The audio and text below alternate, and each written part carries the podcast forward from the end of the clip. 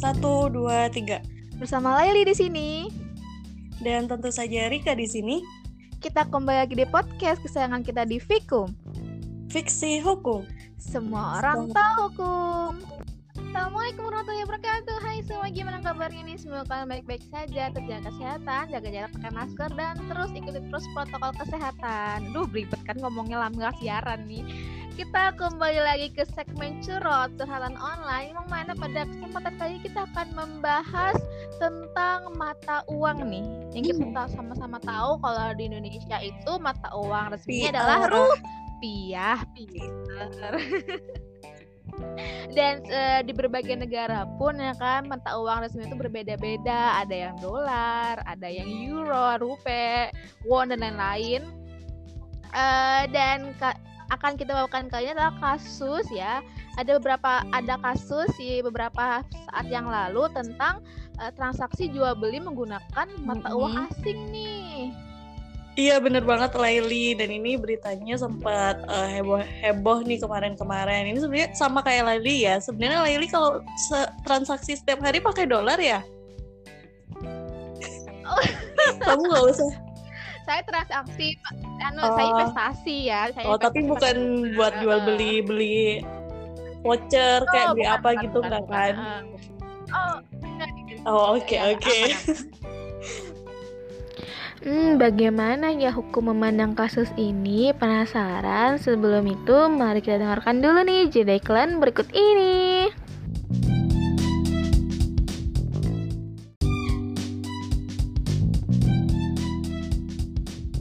Oke teman-teman, aku uh, mau bacain berita nih yang kita kutip dari pikiranrakyat.com nih.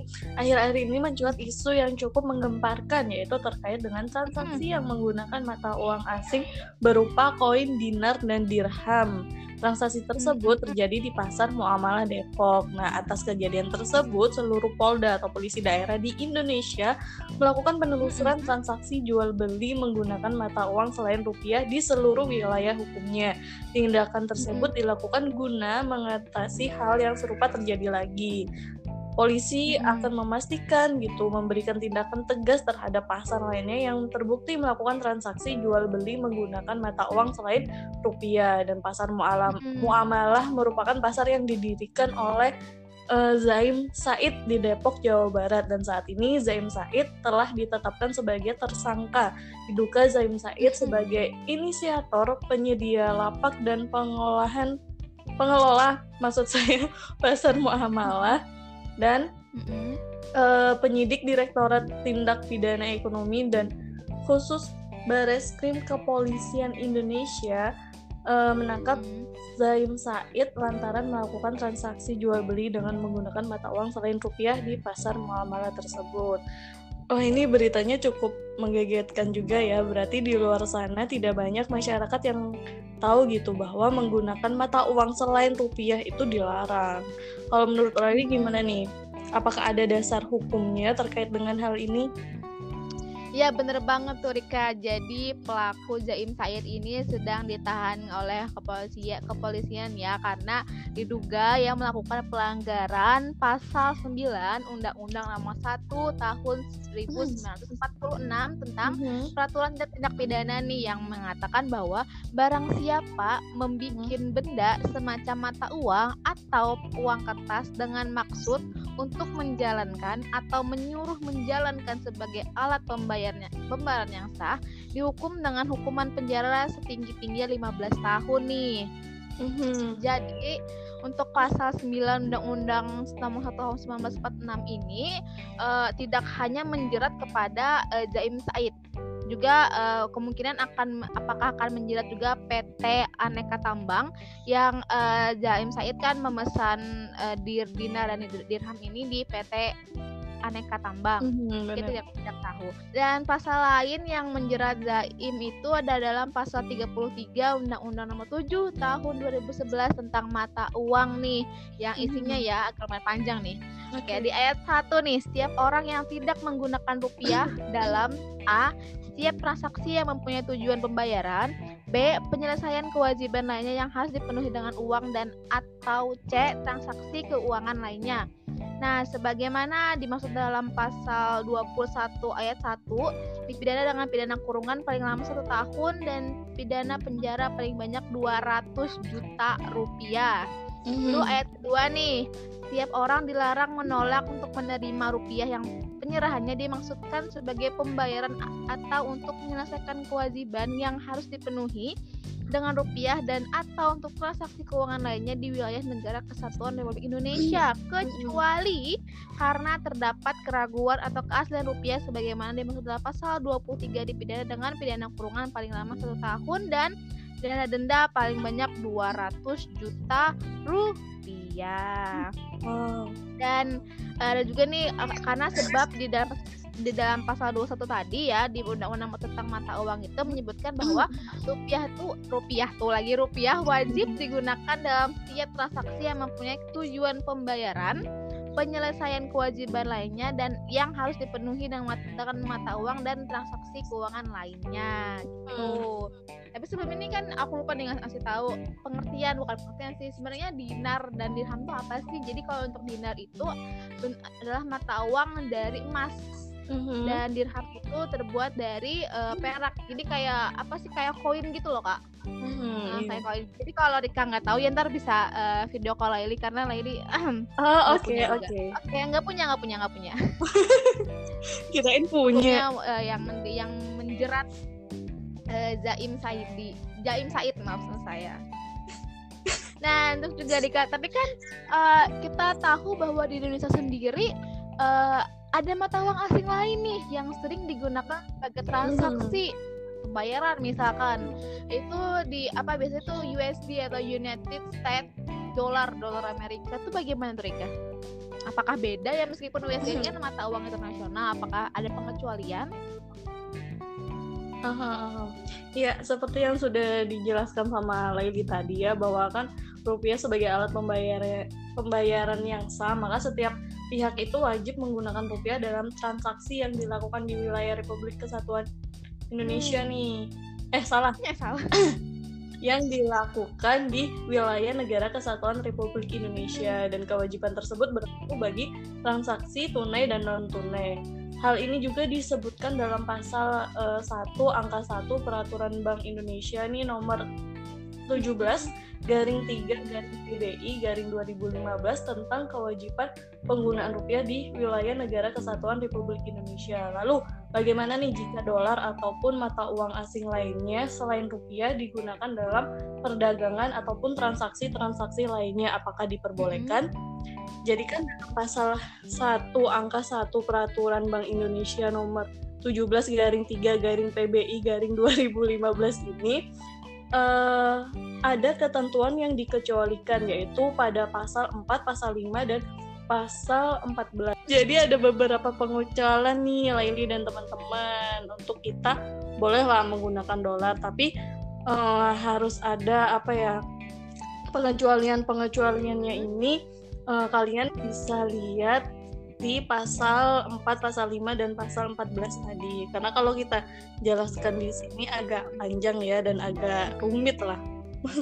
dan juga nilai dan juga teman-teman ternyata dolar Singapura itu merupakan uang yang biasa dipakai di kota Batam gitu hampir sama dengan penggunaan rupiah di pemakaian sehari-hari banyak gitu pembisnis di Pulau Batam itu menggunakan dolar Singapura dalam setiap transaksi yang dilakukan bahkan untuk pembelian ruko atau mesin industri mereka cenderung memilih untuk menggunakan dolar Singapura gitu daripada rupiah. Tapi mereka menggunakan dolar hmm. Singapura juga bukan tanpa alasan gitu. Alasan yang pertama karena dolar Singapura itu lebih stabil daripada rupiah. Dan masyarakat ataupun pelaku usaha di kota Batam itu sudah terbiasa gitu melakukan transaksi dengan menggunakan dolar Singapura dan ringgit Malaysia dan juga ternyata penggunaan dolar Singapura ataupun ringgit Malaysia ini digunakan untuk menanggung untung dari selisih kursnya nih. Kan ada perbedaan jumlah nilai ataupun nominal dari mata uang kan ya. Nah itu dijadikan mereka untuk mengambil keuntungan gitu.